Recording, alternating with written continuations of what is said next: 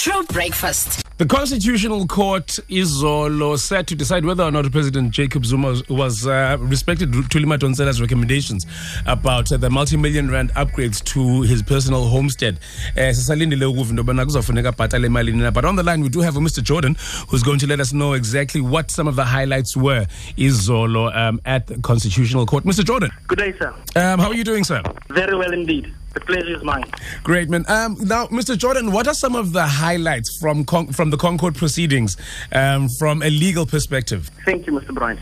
The highlights for, for, for ourselves is the National Association of Democratic Lawyers, NADEL, in the Chris District, Queenstown branch.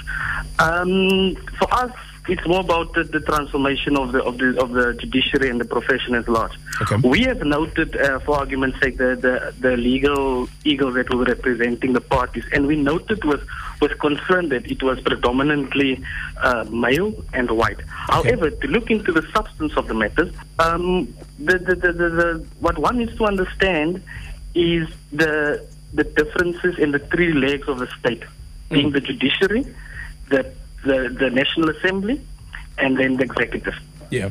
So this case was more about the the the, the, the powers of, of the public protector enshrined in the constitution, and also the ability of the parliament, the National Assembly, to hold the executive accountable. Sure.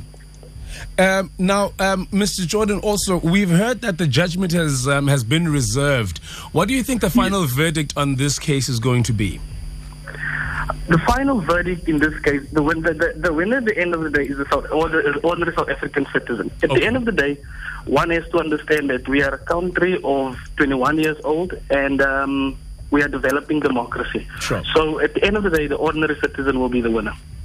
Awesome stuff. Awesome stuff. Um, so, do, I mean, um, at, at at at most, how much do you think that the president might be required to to to pay back um, when everything is, is is signed off and um, he has to pay?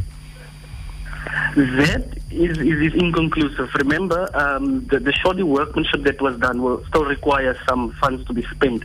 So that's another grey area altogether. Okay. Um, so, so Treasury has its work cut out. Wow. All right, cool, Mr. Jordan. Thank you so much for the time that you've given us this morning. Um, we'll wait for the for, for the judgment to be made, and then um, we'll, we'll we hope we can definitely give you a call and find out what it means for South Africa and um, what else is going to happen. truBreakfast.